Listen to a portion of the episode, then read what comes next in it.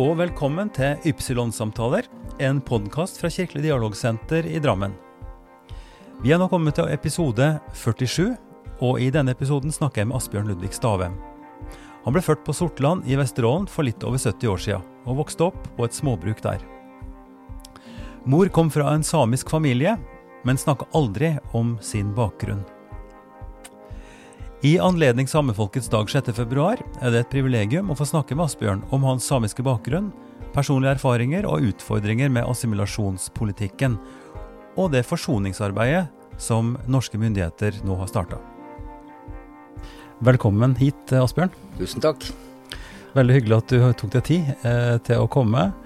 Eh, og vi, eh, vi har jo kjent hverandre en ganske lang periode, egentlig du kom først til kirka, og så vi, vi fikk kontakt den veien, og så har vi liksom knytta mer kontakt etter hvert. Eh, hva var det som brakte deg hit til Drammen? I første rekke så var det jo kona mi som er fra Drammen. Og for det andre så Vi bodde jo i Narvik i en del år. Og vi var jo enige om at vi skulle flytte sørover etter hvert. Ja.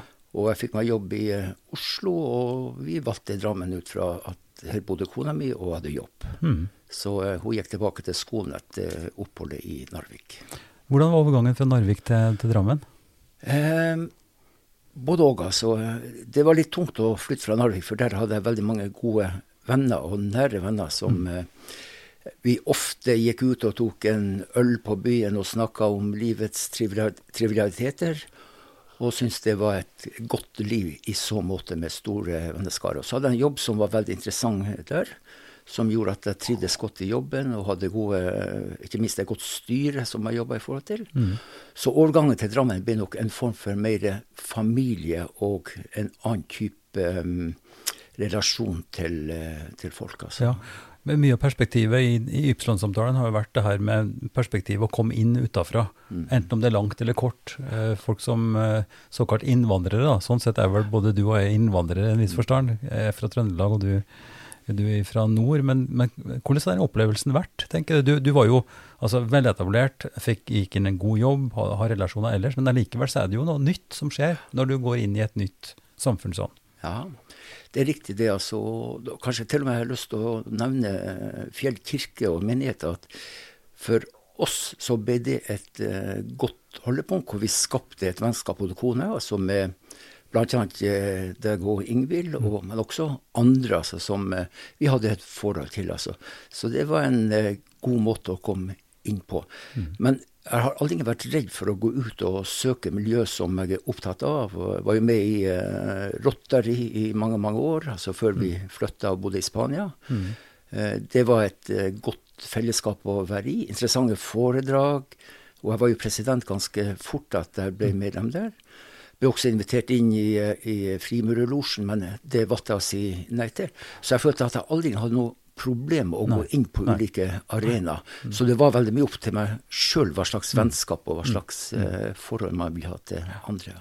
Nei, det det er, ganske interessant, det for det, det, er mange nivåer. Det ene er jo drivkraften en har sjøl, altså interessen en har, og i hvor stor grad en har en, en personlighet og en, en, evne til å ta kontakt utover. Ja. Eh, og så klart hvordan det blir møtt. Og da er det jo enklere for oss som snakker språket, og som er en del av et, skal vi si, en hovedkultur, i hvert fall, da, å komme inn. Så det er jo og menigheten som betydning er jo viktig for oss her lokalt. Eh, personlig, og sjøl om jeg har jobb og har hatt jobb i kirka, så, så kjenner jeg veldig igjen det der at en skaper relasjoner som betyr noe. Altså utover det rent, skal vi si, rent kirkelige. Det blir, det blir vennskap som ja. betyr mm. mye. Men Asbjørn, vi må spole tilbake igjen ganske kraftig. For uh, du er jo eh, født nord, eh, i nord. og Kan ikke du si litt om, om din barndom og din oppvekst nå, før vi går videre? Mm. Eh, la meg først si at han er en veldig god barndom. Eh, min far var på renneskøyter. Han var stort sett borte hele året. Så han veldig lite. Så det var en, en mor som eh, vokste opp med broren min og jeg, som eh, var en sterk kvinne. Hun hadde fjøs. Vi hadde noen eh, kuer, vi hadde sauer, og altså i hele tatt noen husdyr. Og hun styrte med det i sin hverdag. Og så skulle hun oppdra da, to eh, barn i eh, hverdagen. For hun var det en ganske tøff oppgave, mm. alt dette her å være alene med oss. La, la meg spørre litt om far din. Du sa han jobba på redningsskøyta og var borte mye gjennom året. Mm. Eh, si litt om det. Hva, hva, var grunnen til det? Skulle du tro at det er stort sett operasjoner i nærmiljøet, eller? Ja. Du vet, i, På 50-tallet, når jeg vokste opp på tidlig 60, så var det slik at eh, da var det ikke sånn at man jobba en periode om bord og en periode på land. Da var det slik at eh, de fulgte renneskøyta fra Sortland, der jeg kommer fra, og så opp til eh, Honningsvåg, hvor stasjonen var. Mm -hmm. Og det å reise fra Honningsvåg og tilbake til Sortland, det var Hurtigruta den gangen. Og det tok lang tid, og det var ikke noe automatikk i det å få fri for å reise hjem. altså. Nei. Så veldig ofte så kunne han være borte f.eks. fra september, når de gikk på stasjonen. Og han kunne være borte helt til de kom tilbake igjen i mai-juni. Og da var det opp lag, altså opplagsarbeid. Da måtte de pusse båten. Det kunne skje i Kristiansund. Så sommermånedene var hjemme, altså det var korte måneder. Så det var ofte at vi var alene i uh, jula. Så det var om det samme som om det var lang, altså utenlandsfart? Han var, for, for han var borte? For. Ja. ja. Akkurat. ja, Så det ble mye på mor di. Både med, med, det med å skaffe inntekt og ja. utkomme og ja. Hun var en sterk kvinne som jeg beundra, og har vel det er rart når man blir voksen, jeg er jo 71 eh, år i dag, og tenker tilbake, så tenker jeg på hvorfor jeg ikke snakka mer med min mor om hennes barndom, oppvekst og hennes levekår. Og hun var jo ganske ung jente da hun reiste ut fra hjembygda i Nord-Troms til Tromsø og fikk seg jobb som tjenestejente i eh, byen. Og der bodde hun og jobba. og tjente penger og kjøpte seg både strikkemaskin og litt av hvert av de pengene hun tjente. Så hun har alltid vært driftig. Jeg føler jo på mange måter jeg har mye av det hun representerer, mm. i meg sjøl. Altså. Det å være nysgjerrig og mm. prøve nye ting. Men hvordan var det å være gutt, da? Eh, Sortland. Eh, eh Vesterålen. Ja. Eh, far borte hele året. Eh, utkomme, praktisk arbeid på gården. Mm. Hva, hva, er minnene dine fra den tidlige barndommen din? Um, det var jo slik i bygden at uh, dugnadsengasjementet uh, var jo stort. Mm. Uh, folk hjalp hverandre der det var behov for det. Mm. Og jeg kan jo huske at uh, naboer kom og hjalp min mor før han far kom hjem. altså. men stort sett så kom jeg jo hjem på såpass tidlig at han kunne være med på selve slåtta. Slik han tok jo del i noe av disse aktivitetene i forhold til fjøsen. Men igjen, veldig mye falt på henne. Så, og som gutt, eller broren min og jeg som gutter oppi det hele, så vi, vi, hadde ansvar for å gjøre vår del av jobben. Alt ifra å trille ut møkka så på uh, våren, til å kjøre inn høy på sensommeren. Ja. Mye praktisk arbeid. Det er vel også en, arbeid, ja. Jeg kjenner jo det fra min egen barndom og ungdom, at gårdsarbeid, få ansvar, delta aktivt, mm. at det har noe med forminga av ens personlighet og, og liv å gjøre. Å bli vant til å måtte ta ansvar og få ansvar kan jeg huske veldig godt um, det her var på høstparten eh, en nabo som spurte om ikke vi Vi var tre kompiser som holdt mye sammen. Mm. Om vi kunne komme og hjelpe han med slåtta, og det sa vi ja til. Og da fikk vi fem kroner for jobben. Og da var vi, så vidt jeg husker, så var jeg 13-14 år. Og i den alderen var det jo spennende å ta seg en røyk. Mm. Og da fikk vi en eldre kompis til å kjøre ut til nabobygda og kjøpe en pakke South State, husker jeg veldig veldig godt. Og så sykla vi tilbake igjen. Vi var jo for unge og kjøpte tobakk sjøl. Og så sykla vi tilbake igjen til heimbygda, og da stoppa vi en to-tre steder. Og så røkte vi og røkte hele turen innover til vi kom hjem. Og da ble jeg sjuk. Ja, det. Og heldigvis var han far og mor de var på sjøen akkurat den, eh, den ettermiddagen. Så bestemor som bodde på et kammers, hun var alene hjemme, så hun tok hånd om meg. Det husker jeg veldig godt. altså. Prøve ut forbudte ting. ja da, interessant. Det handler om, ja. Mm.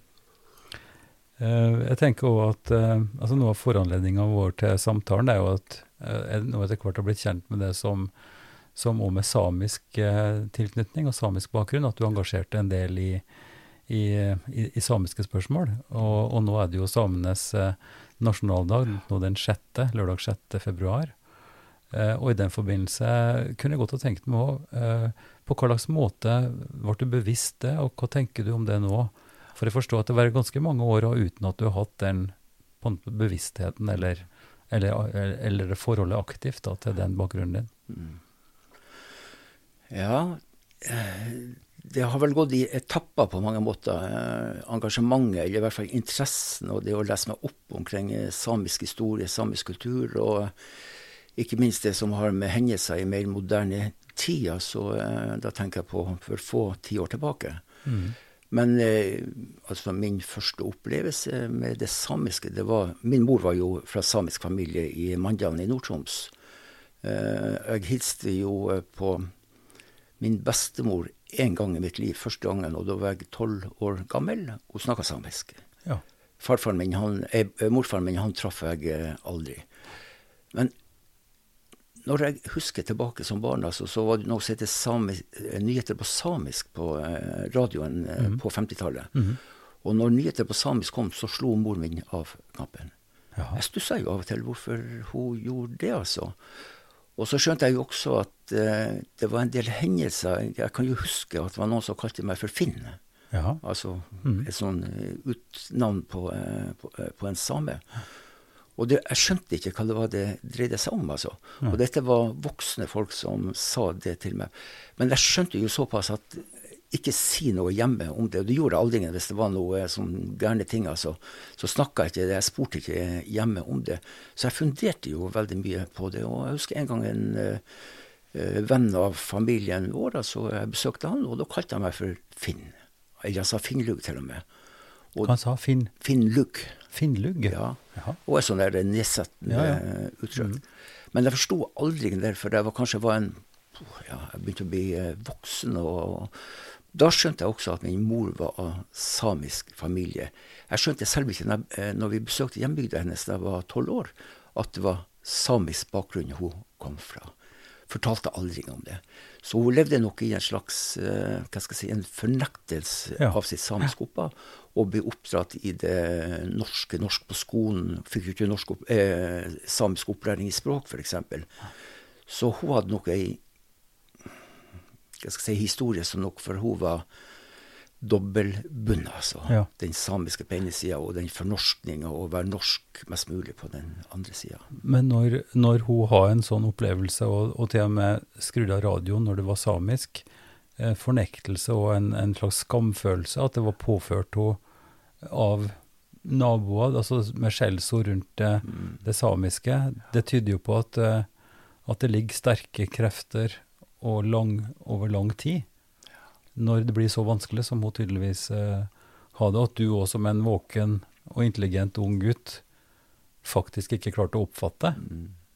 Det er jo ganske sterke ting. Ja, absolutt. Mm. Jeg har mange ganger tenkt på hvorfor ikke jeg skjønte det, og, og lå det en slags fornektelse i meg sjøl også, at uh, kanskje innerst inne så skjønte jeg mer enn det jeg vil akseptere. Ja. Eller forstå, egentlig. Man på mange måter dytta det bort når det kom og vil liksom inn i hodet. Så uh, bare skar man det av, og så uh, dytta man det bort for å slippe å forholde seg til det. Mm. Jeg har mange ganger tenkt på det i ettertid, om det lå noe slikt bak, altså, men det blir jo bare tanker. Men det, det, er jo ganske dramatisk, for altså ting er jo, som vi alle kanskje på forskjellige måter erfarer opp gjennom barndom og ungdom, at du blir erta.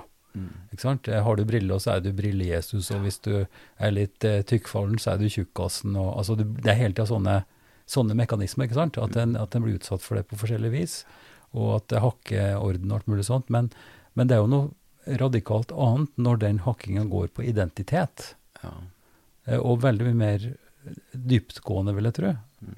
Og, og, og, når vi nå snakker om eh, i, i ganske ferskt ikke sant, med Black Lives Matter, med disse lange, lange tunge eh, tradisjonene av undertrykkelse og, og, avvisning og sånt, så, så, det betyr jo at vi har det sjøl i vår, vår, egen nasjon. Altså at vi har en nær historie, og din personlige erfaring handler jo om noe av det samme, er det ikke sånn, Asbjørn? Ja, absolutt. Og jeg la jo merke til et uh, leserinnlegg som, uh, som uh, Fyske Tveit Fikse Tveit, ja. Fikse Tveit sa om uh, bl.a. dette med forsoning, og han nevnte jo spesielt eh, de overgrep som var gjort mot den samiske befolkninga. Og de overgrepene er til stede også i dag, alt fra mobbing til nedsettende uttalelser. og til ulike måter å eh, ja, hva skal jeg si, fornekte folks identitet, altså det samiske folks identitet på. altså. Mm. Man vil ikke akseptere at de en, har en egen kultur og har en egen uh, identitet. Jeg tror disse kreftene lever like sterkt i Norge i dag, både i forhold til samiske som i forhold til andre innvandrere som vi har i uh, Norge i dag. altså. Mm. Og det er jo, Du sier innvandrere, men la oss si minoritet, da, i hvert fall. fordi den samiske kulturen er jo uh, veldig gammel. Altså det er, en, det er en tilknytning til landet, til, til regionen, Nordkalotten. Samiske, uh, samiske nasjon, kan du si, er jo like mye nordisk og finsk, russisk. Mm, russisk ja. Uh, det er tilknytninga til naturen. Og, og, det er òg et aspekt som, som, er litt annerledes, da, men jeg tenker òg at, at det er veldig mye å lære av å ta inn over seg den kunnskapen og den kulturen som er så knytta til, til, til, årstid, til naturnærhet, altså reindriftsbiten, fiskeria, fiskerier, som vi i, i, vår moderne tekniske, teknologiske uh, virkelighet har blitt veldig langt borte fra, og som vi nå på en måte kan få, og får, straff for. da. Altså at vi har overbelasta, at vi så har du gjort deg noen tanker rundt det? Altså den, den delen av den samiske Det er jo naturfolk i, sin, eh, i, sitt opphav, kan du si, som uh, lever av det naturen gir. og jeg fikk jo gleden av å være med på en konferanse i Tromsø her i 2019, da, så, hvor bl.a. dette spørsmålet var snakka om på konferansen. Og vi jobber jo også i gruppe hvor jeg fikk uh, gi mine innspill. Jeg ikke jeg har ikke så mye kunnskap om den samiske kulturen, men jeg skjønner jo at en viktig del av den samiske identitet det har med fangst, altså dette med rein, dette med tilgang til uh, jord, mark, altså friluftsområder hvor rein uh, kan beite, mm. og hvor samene kan utøve sitt yrke, spesielt i Finnmark. Men du har det også nedover både i ja, Trøndelag, altså ja, ja. hele grensesnittet altså, mot Sverige. Så uh, mer eller mindre så har du eh, samiske innslag hele veien. Altså. Sørsamisk nærvær er jo tydelig i Oppdal, f.eks. Ja, for eksempel. Eh, og ja, Meråker, hele Trøndelag. sånn at det, det, det, er jo en større utbredelse enn kanskje folk tenker på vanligvis. Mm. Nei, så det er en Altså, det gir jo en del ettertanker, egentlig, å tenke på hvordan vi som storsamfunn har oppført oss oppført oss overfor det samiske befolkninga. Da tenker jeg ikke minst på dette med naturen og de inngrep som eh, er gjort der. Og vi har jo en del eh, hva skal jeg si, skrekkelige historier som har skjedd i, for ikke så mange titalls år tilbake i tid. Mm. Tenk på alt, Alta-aksjonen. Alta-aksjonen var jo den, den store, og det er jo et jubileum for det nå i år, faktisk. faktisk alt, ja. Ja. Hvor det var 1000 Det var vel altså godt var 1000 eh, aktivister som reiste oppover og, og, så, og slo ring rundt og, og kjempa for at det skulle, ikke skulle være noe ut, utbygging. Ja. Og at det sto på en måte mot nettopp den skal vi si, utbyggingskraftkrevende altså ønsket om å få utnytta naturressursene, som en sa, eh, til felles beste, og at det da blir kryssende hensyn, og at en da eh, står i fare for å ødelegge naturressurser som, som en har behov for, men som kanskje ikke er så tydelige det, det, er noe av det samme jeg føler eh, oppe i, i, dagen nå når vi snakker om klimakrise og, og artsmangfold og arealødeleggelse. Altså at, at vår menneskelige virksomhet den, den, legger beslag på så store areal at dyreliv og det naturlige kretsløpet blir radikalt forstyrra. Uh, og det, det finnes jo ikke noen gode svar på det, naturligvis, men jeg syns det, det, er litt av det samme som blir veldig akutt og aktualisert i det samiske Altså spørsmålet rundt den samiske identiteten og samiske kulturen og det samiske nærværet da, i, i Norge. Absolutt. Og, men jeg tror noe av paradokset, altså noe av hva skal jeg si, krafta i den uh, kampen i Alta, det var at det var et sammentreff mellom det at uh, samene opplevde at det var overgrep, overgrep mot de på ene sida, og på den andre sida så hadde du miljøinteressene. altså Når disse to kreftene forenes, så fikk du en politisk slag, slagkraft som var ganske så sterk. Mm. Og det tror jeg var mye av årsaken til at man vant frem i den kampen. Tenk jo tilbake til den gangen. Det var jo Gro Harlem Brundtland som var miljøvernminister i uh, den tidlige fasen, og var jo statsminister når, det, når de uh, ble henta ut fra Stilla i et, uh, 1981, mener jeg det var. Hun var statsminister. Mm. Og da ble jo politiet satt inn og, og tok ut folket fra Stilla. Så leste jeg her for en tid tilbake at Gro Harlem Brundtland angra bittert på hennes rolle, eller den aksjonen som uh, ble gjort i, uh, i uh, Alta den gangen. Mm.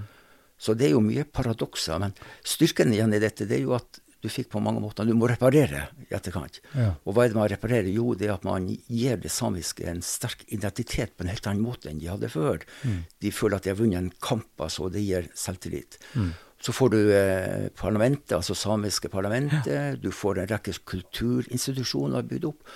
Og kanskje noe av det aller viktigste, i hvert fall eh, både for Nord-Norge og for det samiske, det er at samisk får et løft innenfor det som har med høyere utdanning og universitetsutdanning å gjøre. Mm. De får frem talsmenn som kan snakke deres sak. Mm. De talsmennene hadde ikke de for uh, altså f.eks. på 40-, 50-, 60-tallet. Det, det, er kjempeinteressant, og, og innenfor kultursektoren òg, åpenbart. Altså Det ene er jo det skal vi si, demokratiske med, med Sameting og, og, og alt det der som er, som er nesten en følge, i hvert fall. Det ble sterkt stimulert av det som skjedde i, i Stilla i, i 81.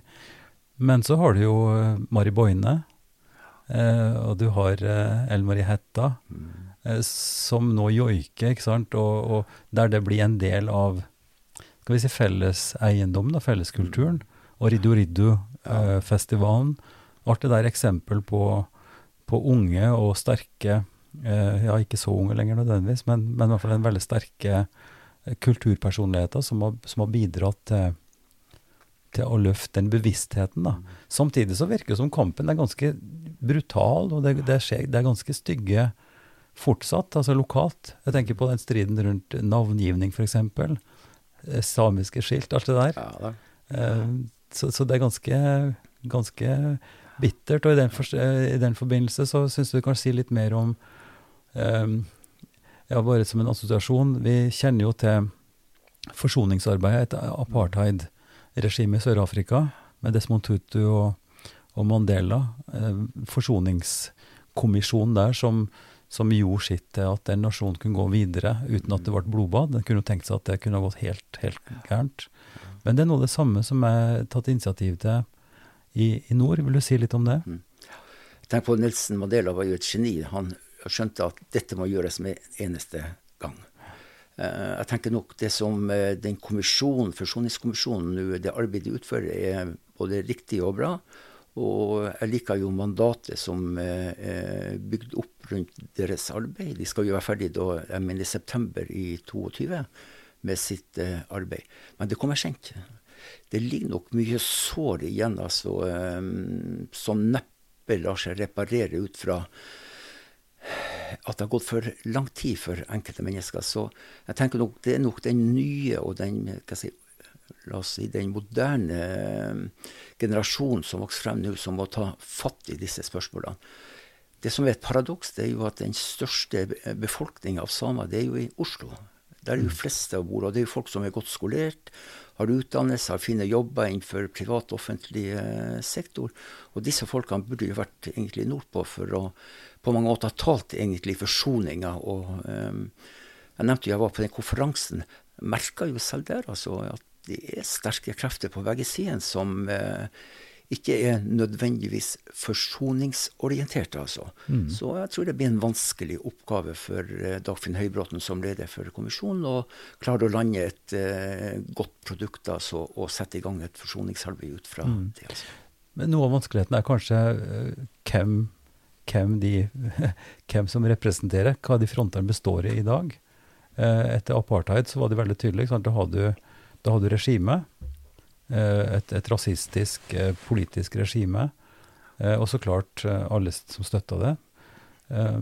Og det var veldig tydelig hvem som skulle snakke sammen, men er det så tydelig hvem som er partene i forsoninga mellom det samiske og, og norske? Det er, ganske, det er ganske skal vi si, uklare kategorier, er det ikke det? Du vet, På Stortinget så var det ikke noe udelt eh, entusiasme for forslaget om, eh, om eh, å opprette denne kommisjonen. Altså.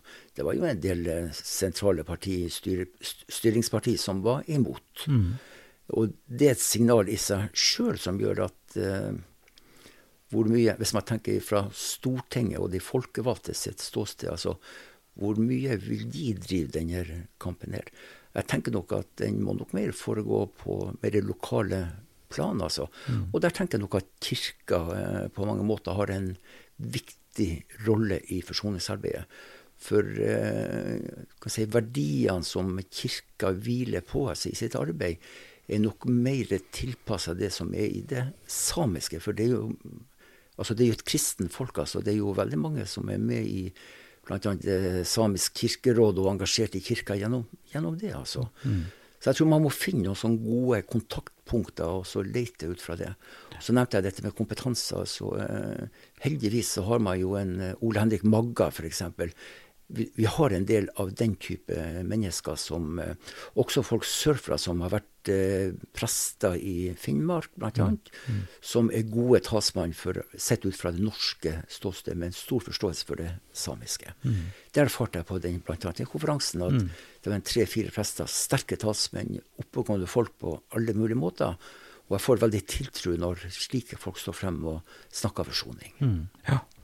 Ja, og, og, lokalt hos oss her i Drammen så, så har vi jo eh, planlagt nå en, en gudstjeneste eh, den sjuende, altså dagen etter nasjonaldagen, i, i, kirka. Der vi har planlagt eh, både kulturinnslag og, og, forskjellig for å få markert den dagen, og kanskje bidra til den forståelsen og, og forsoninga. For det er jo så klart også mange med samisk bakgrunn som bor her i vårt område. Og nå vil jo, vil jo situasjonen med korona det at vi ikke klarer å gjennomføre det som vi har tenkt, men at vi likevel har en At vi skal møtes der og ha en, samles en del folk og kunne strømme det, da, slik at det blir et Så forhåpentligvis kan vi markere det enda sterkere neste år igjen. Så det er jo vårt lokale bidrag. Mm.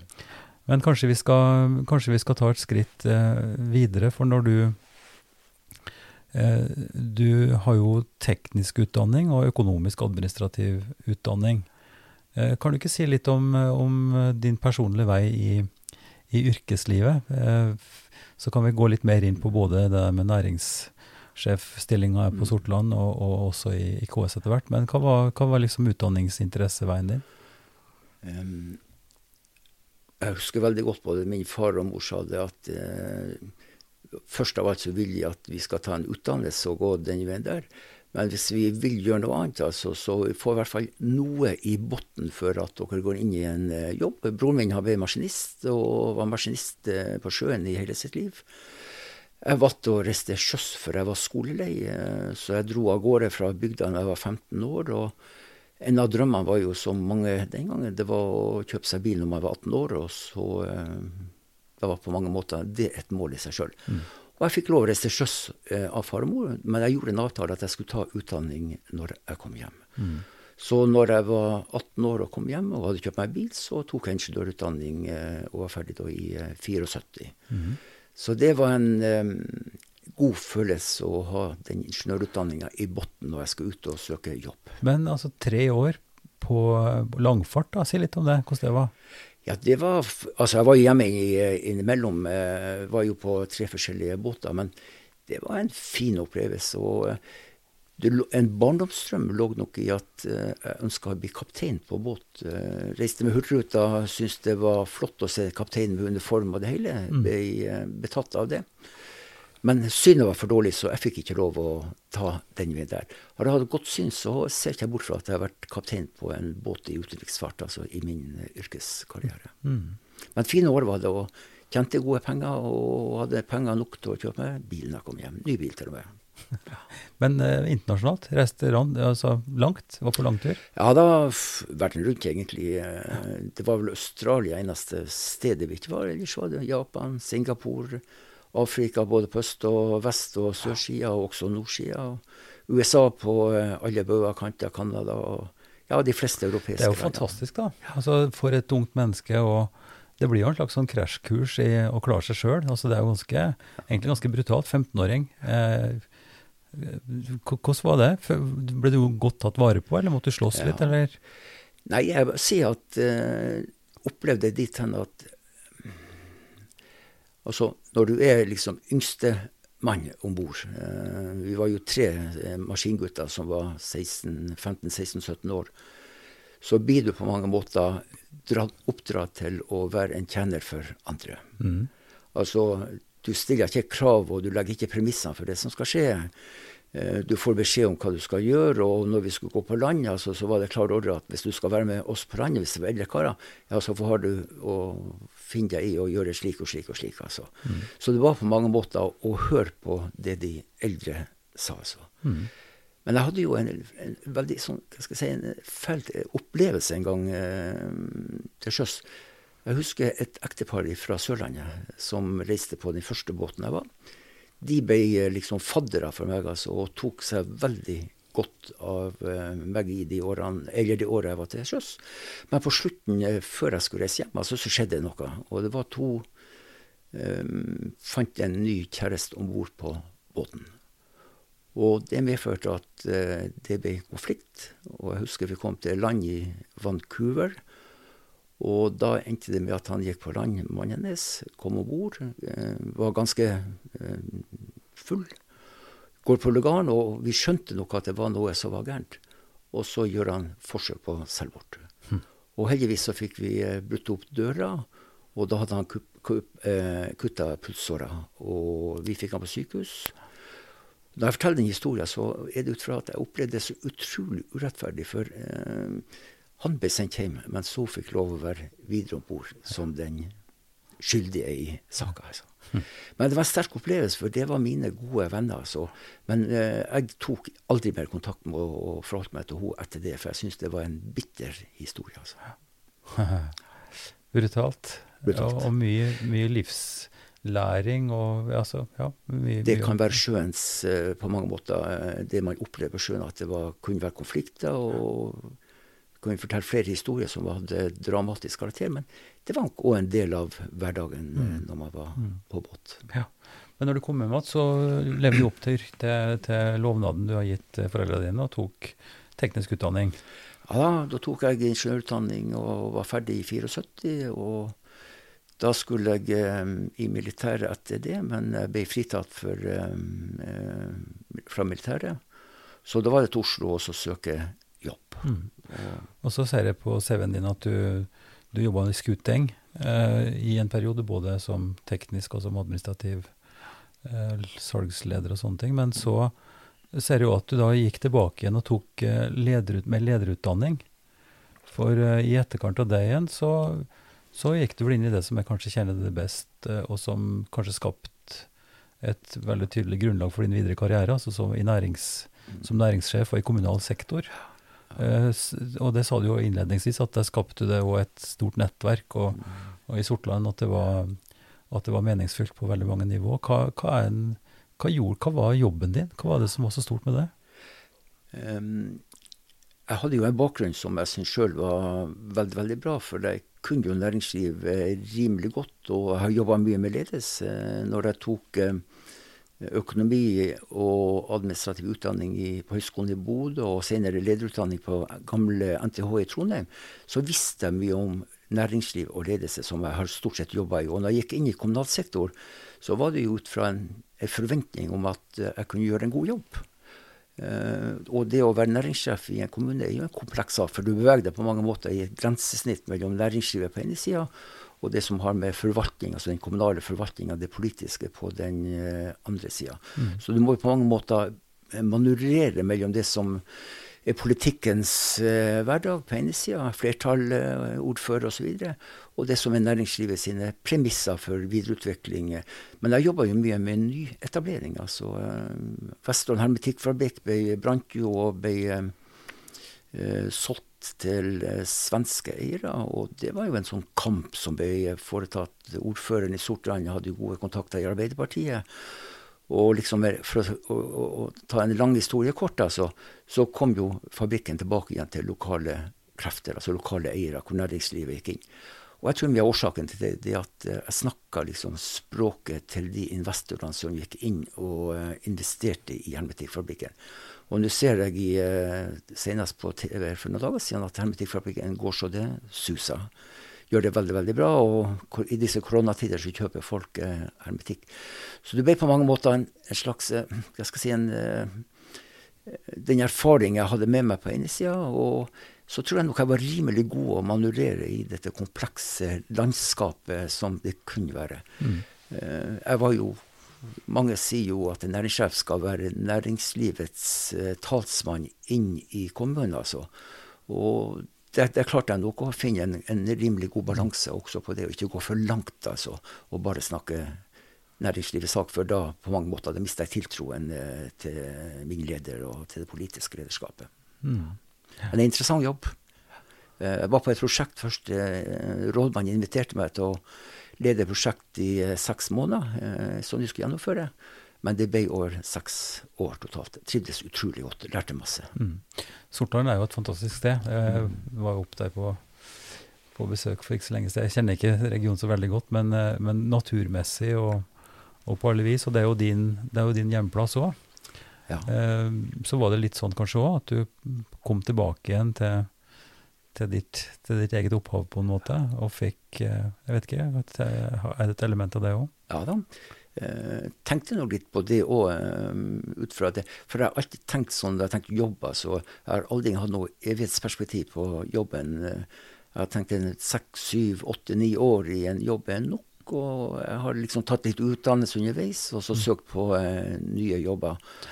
Og når jeg fikk den muligheten på Sortland, altså, så var det en ny mulighet og, i kommunal sektor som jeg ikke kunne så veldig godt fra før. Og det ga meg også en ny erfaring for resten av livsløpet mm. mitt. altså i jobbkarrieren. Hvordan ser det ut på, på Sortland nå? Altså, jeg tenker Næringsmessig, utviklingsmessig. Det er jo eh, i hele regionen eh, Jeg vet ikke, nå snakker jeg kanskje mer enn jeg har vett det, men, men at, eh, at, både oljeutvikling og, og næringa står i, i ganske vanskelige valg. Ehm, hvordan ser det ut? Hva er det som er hovednæringsveiene i, i regionen der nå? Si, det er jo sjømat som eh, er det store, også på Sortland, ja. som er det store. Jeg hørte senest nå i, i, går på um, lokalsendinga. Altså, Nordland har jo et uh, underskudd av arbeidskraft. altså Du må importere. altså Det er jo lavest arbeidsledighet uh, i Norge. Det finner du i Nordland i, i dag. Og på Sortland så har du hatt etableringer, bl.a. i hjembygda mi, en uh, stor reder som har mange trålere, uh, Holmøy, mm. um, som har etablert seg med mottak, og de skal nå bygge et lakseslakteri, og der er kommet en annen bedrift like ved. Så det er innenfor sjømatsektoren du ser ja, ja. veksten altså, i ja. området. Og når vi nå snakker sammen, så er det jo akkurat I dag er det fredag, og natt til i dag så var det jo stengte grenser, som er, som er, en slags illustrasjon og et dramatisk eksempel på hvor, hvor stor vekst en har hatt i, i, de sektorene der hvor en er helt, helt avhengig av, av, eksterne, altså utenlandsk arbeidskraft òg, da. Mm. Hva tenker du om det? Altså er det, er det en defekt ved det norske systemet at vi er for lite fleksible til å flytte på oss? Altså, mm. Hvorfor kunne vi ikke komme ned mot eh, enda bedre arbeidsledighetstall hvis vi kunne ha utnytta det bedre? Det er det sammensatt eh, komplekst. Altså. Jeg er jo for EU, jeg er jo for eh, fri bevegelse av arbeidskraft i Europa. Jeg har tro på det som et fredsprosjekt. Det sitter sterkt i min bevissthet. Ja. Men på andre sida sett òg, så er jeg jo veldig betenkt over det når man ser hvor mange ungdommer i dag som eh, går ledig. Mange går på uførespensjon i uh, ung alder. Og da tenker jeg da er det et sykdomstegn i samfunnet vårt. Det er noe vi ikke klarer å gjøre rett. Mm. Vi klarer å gjøre noe feil. Mm. Og hva de feilene er, det tror jeg er vanskelig å identifisere, men eh, noe må være gærent når mange går ledige og ikke får seg jobb. Mm. Ja. Men Asbjørn, så eh, etter den perioden, sa du, så flytta du og, eh, og Grete, kona di, hit til Drammen, og du har jobb, fikk jobb i Oslo, og det var i, i KS, Kommunenes Sentralforbund, heter det mm. vel. Ja. Og, og, du kom dit fordi du har da erfaring fra næringsledelse, og, og har jobba i mange år som, som konsulent.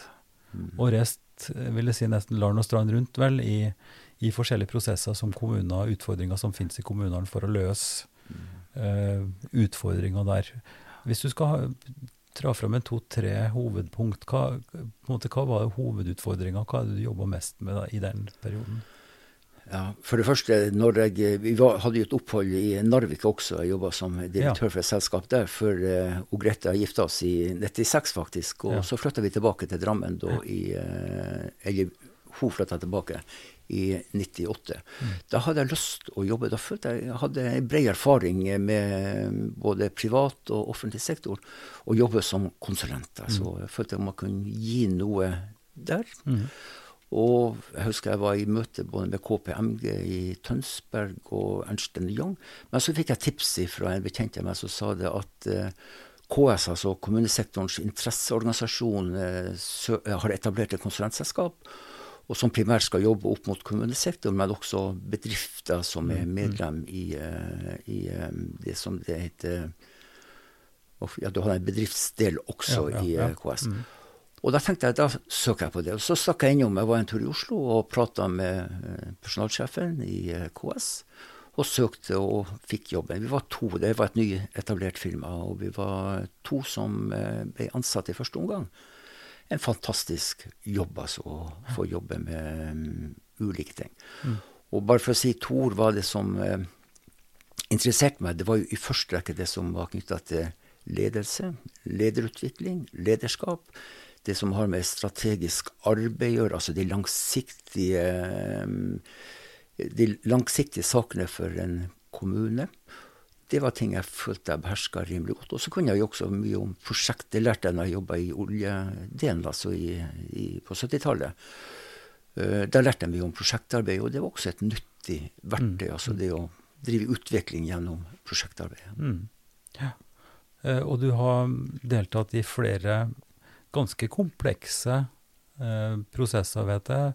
Nå har vi jo sjøl her lokalt, som mange mange andre plasser i Norge, gjennomgått kommunesammenslåing. Og du har jo engasjert deg litt i, i, i de problemstillingene med skriving av aviser og sånt. Men, men, hva vil du si om eh, hva er driveren, og hva er suksesskriterier for en god sammenslåing? Du har jo opplevd flere av de mm. rundt omkring. Vi bør ikke snakke så mye kanskje om lokalt hvis ikke du ønsker det, men du mm. har mye generell erfaring i hvert fall. Så vel, hvis jeg skal trekke frem noen eksempler, så eh, begynner det å bli noen år tilbake. Men jeg jobba jo mye med den type arbeid. altså Gikk inn i kommunene og, og drev prosjektarbeid.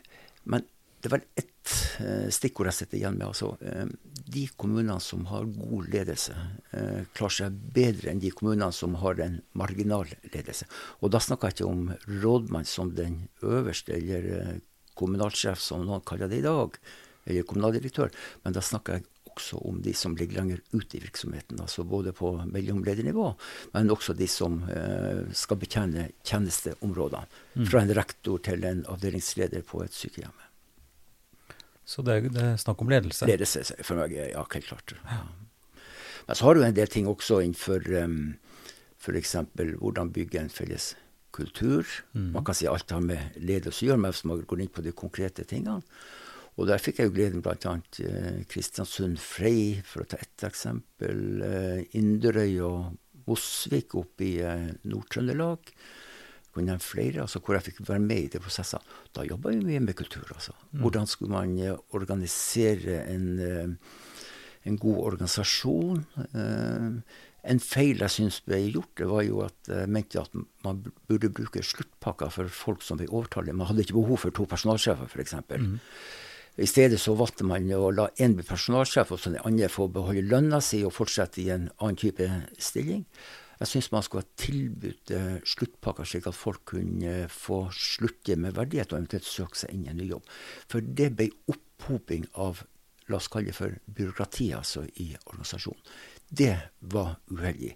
Det skapte motsetninger. Og jeg var jo inne i en del kommuner og sammen med advokater fra KS hvor det oppstod konflikter i denne prosessen, hvor man måtte løse konflikter. Mm. Og det var ut fra at man tok ikke liksom eh, altså, og rydde organisasjonen i godt nok når man skulle starte sammenslåinga. Nei. Og det er ganske komplekst, men du, du snakker jo om uh, kultur, du snakker om uh, ledelse. Eh, hva er da kan du si, Hva kjennetegner altså, Du merker det jo på en eller annen måte i en stab eller i et arbeidsfellesskap, om det er god tone, om det, om det er engasjement, om det er framdrift, ja. entusiasme, alt det der som, som, du kan på en måte sette ord på sånn rent følelsesmessig. Mm. Men, men, koker det ned til enkeltpersoner her, eller hva er det greia, ja. Asbjørn? Du har jo de som Og det var et navn vi brukte på det, jeg kom ikke på farta, som er Altså som driver en opposisjon i det skjulte. Ja. Mm. Og det er de jeg snakker om, altså, som på mange måter kan ødelegge en organisasjon. Altså, jeg, skal ikke nevne navnet på den sammenslåtte kommunen, men en ganske stor konflikt oppstod. For der var det en personalsjef som ble tilsidesatt, og der har du en personalsjef som ble løfta opp i Mm. systemet. Og så hadde du en plansjef som ble løfta opp, og en plansjef som ble satt til side. Og så ble det skapt subkulturer i organisasjonen hvor disse fikk virke innenfor sitt miljø, og skapte eh, subkulturer som virka eh, bakstreversk og var ikke utviklende for, eh, for kommunen. Altså. Men igjen, du merka med en gang Jeg merka med en gang altså, hvis det var en, en kommune som altså Sånn som Mosvik, Inderøy, som jeg nevnte, det er jo to sånn mellomstore, små kommuner. Du merka med en gang på holdninga hos folk, engasjementet, at dette skal vi få til. altså Det var en, på en måte en drive, altså. Få dette til. Og det var liksom å forene seg gjennom en god strategi, det å jobbe med kultur. Eh, hvordan etablere en god kultur, som kan bli et veldig sånn generelt begrep. Men å klare å konkretisere liksom, de gode kulturfaktorene som kan medvirke til at man kommer seg videre. For det er jo til slutt en innbygger man skal Det er jo en sånn tusenkronersspørsmål, eller sånn gull eh, Noe som er veldig veldig verdifullt, hvis en kunne sette fingeren på og si at det skal du gjøre, eller det er suksessfaktoren. Mm. Men jeg har følelsen at det er ganske subtilt. Det er ikke veldig enkelt å finne en sånn formel. Nei. Det har med, sikkert med kjemi, som du sier, altså fellesskap mellom folk. Eh, eh, hvordan folk fungerer sammen. Eh, gi hverandre rom, trygghet, alt det der. Så ja. opplevde jo en del, jeg jobba ganske mye i Møre og Romsdal, at, uh, også i Trøndelag for så vidt også, at der var det eh, Det var store forskjeller eh, rent geografisk. Mm. Men hvis jeg tar Møre og Romsdal, jeg skal ikke trekke så mange navn fram der, men jeg jeg husker jo bl.a. i Molde og en del av nabokommunene til Molde. altså Måten de jobba på, altså tenkte fremtid og skulle komme seg videre. altså det var en fryd å jobbe med sånne kommuner, og hvor du hadde minimalt av dette med liksom subtenkning altså, i eh, organisasjonen. Altså. Mm. Og da tror jeg at de har vært flinke på å rekruttere de beste og de gode lederne eh, i de folkevalgte miljøene. Altså. Det her er kjempeinteressant. eh, Og du har jo også skrevet bok eh, om erfaringene dine. Altså en fagbok om, som handler rett og slett om Mm. kommunesammenslåing. Eh, som folk kan lete opp eh, hvis de ønsker å ha mer, Ja. eh, mer inf informasjon om det. Men, men du har jo observert Jeg vet ikke om du vil si Jeg vil ikke gå så veldig detaljert inn i det, men hva vil du si om den prosessen her i, i vårt nærområde? Nå er vi blitt en større kommune, Drammen, med 100 000, som da er Svelvik og Nedre Eiker og, og Drammen. Det var jo mange andre i det spillet. Har du lyst til å kommentere det litt?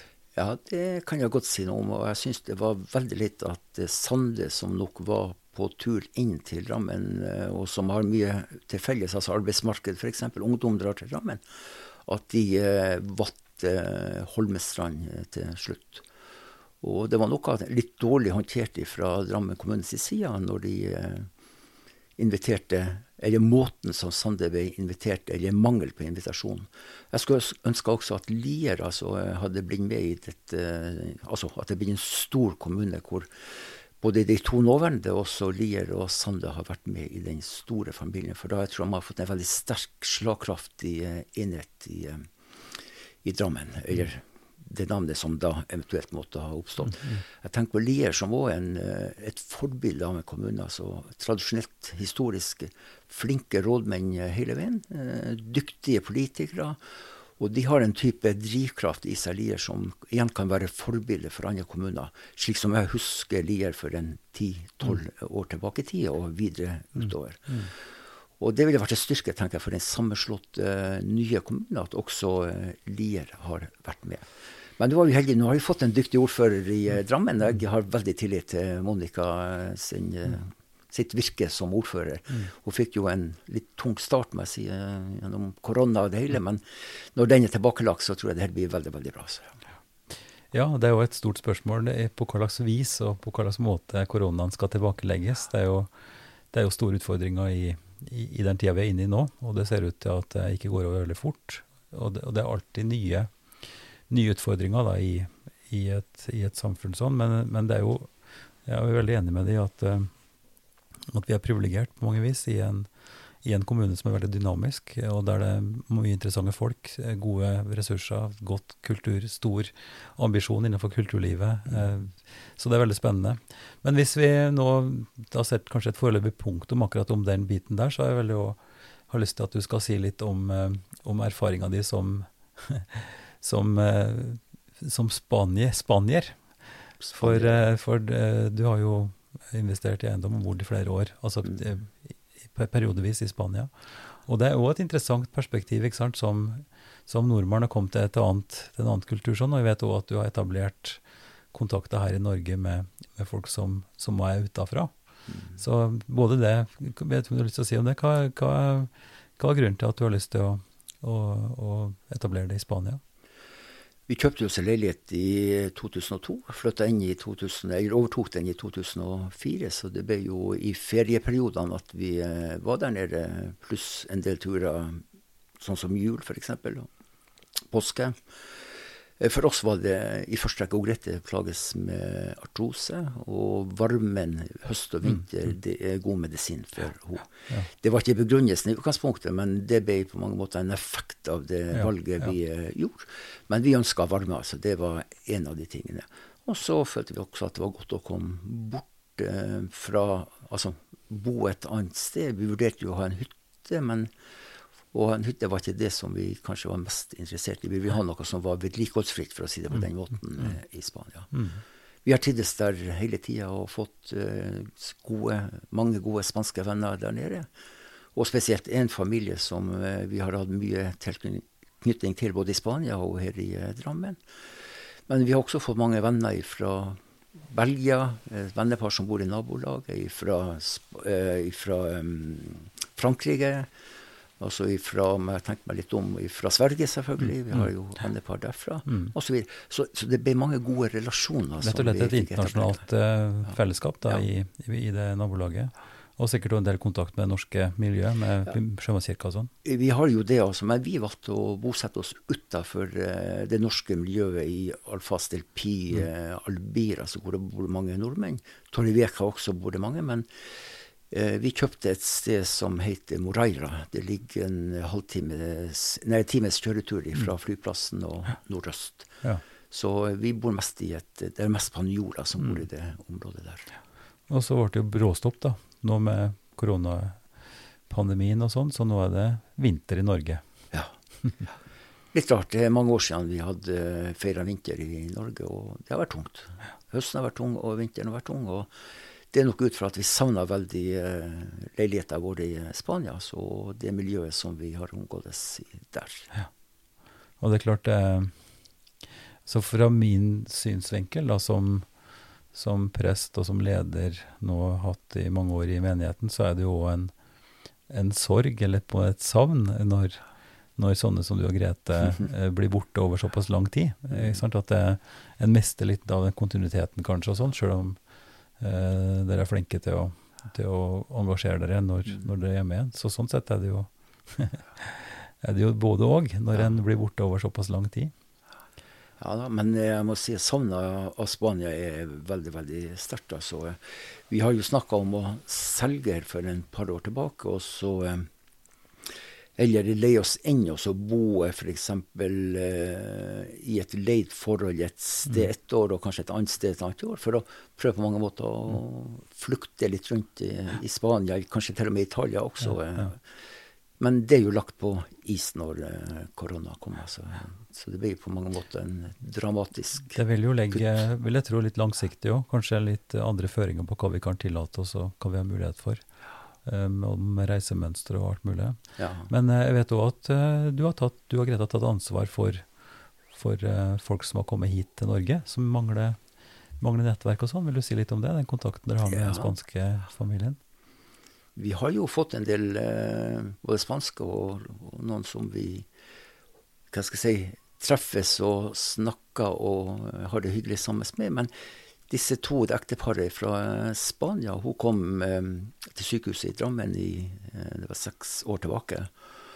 Og fikk seg jobb der. Hun gikk på kurs i Spania først, lærte seg norsk, eh, kom til Drammen. Og da tok jeg kontakt med hun Anette i menigheten, i eh, Fjell menighet. og spurte om det var noen som var fra Spania som vi kunne stifte kontakt med. Og da fikk vi eh, navnet til Klara, som heter Klara Martinez. Mm.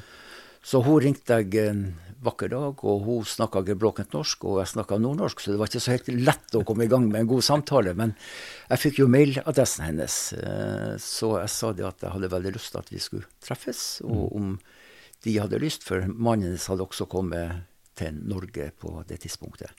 Så vi treftes på Ypsilon og satt på kafeen der og prata. Og da var det et evigvarende vennskap som ble etablert. Ja. Mm. De er jo unge, de er jo rundt 30-35 år. Mm. Så, men de setter tydeligvis pris på vennskapet, så vi omgås så ofte så vi kan. Ja. Så nå virker det litt med Facebook og sånn som det er nesten som reservebestefar, og at det er et ganske nært og fint forhold? Ja da. Ja.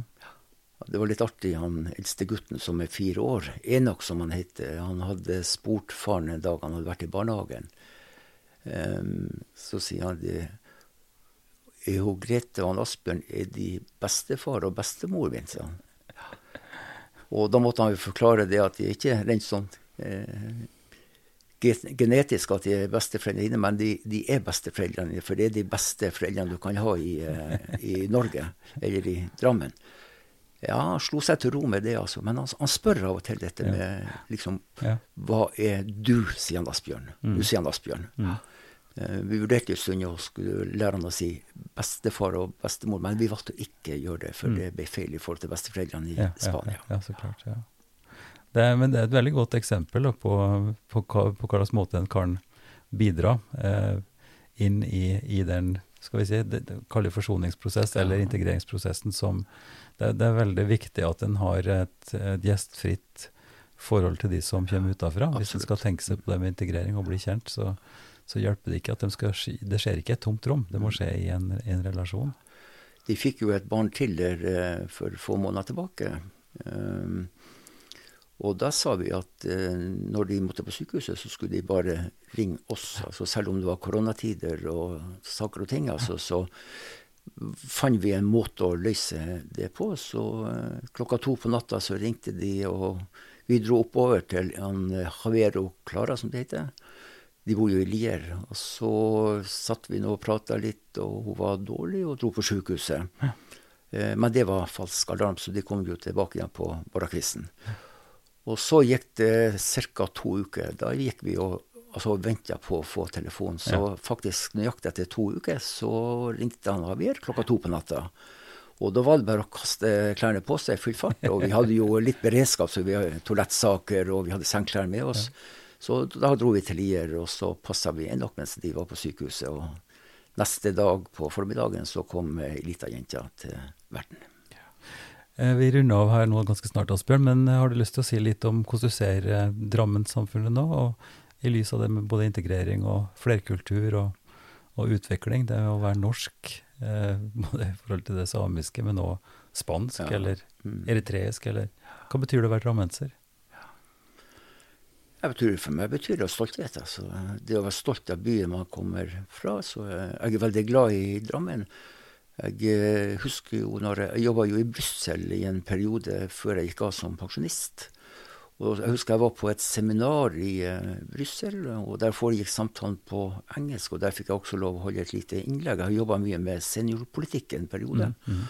og fikk snakke om uh, seniorpolitikk. Og da var det en som kom bort til meg, og, og uh, han skjønte jo jeg var fra Drammen, for det sa jeg jo, og fortalte Drammen for en fantastisk flott by det var blitt. altså. Mm. Og det var jo en nordmann som jobba i Brussel. Så der fikk jeg, jeg husker også jeg var i, i Stockholm på et møte og fortalte jeg kom fra Drammen. Og da har, altså, det var svensker der som òg hadde hørt om Drammen, og at det hadde skjedd så mye positivt i Drammen, Drammen. Vi, og jeg vet jo Ordføreren Tore Oppdal Hansen var jo, han var jo helt unik på dette med å dra ut og markedsføre, fortelle mm. om Drammen. Ikke bare i Norge, men også internasjonalt. Så du kan si stoltheten eh, min er veldig sterk i forhold til Drammen, men det tror jeg også er i forhold til mange som bor i Drammen i dag. At man er ikke veikryss lenger. Nå er man et sted som man kan være stolt av. Og det er vel kanskje det beste frimerket jeg kan sette på Drammen som by i dag. Altså. Asbjørn, tusen takk for en fin samtale, og lykke til videre med pensjonistliv og, og det som, som skjer i dagen. Tusen takk for uh, samtalen. Takk, det samme.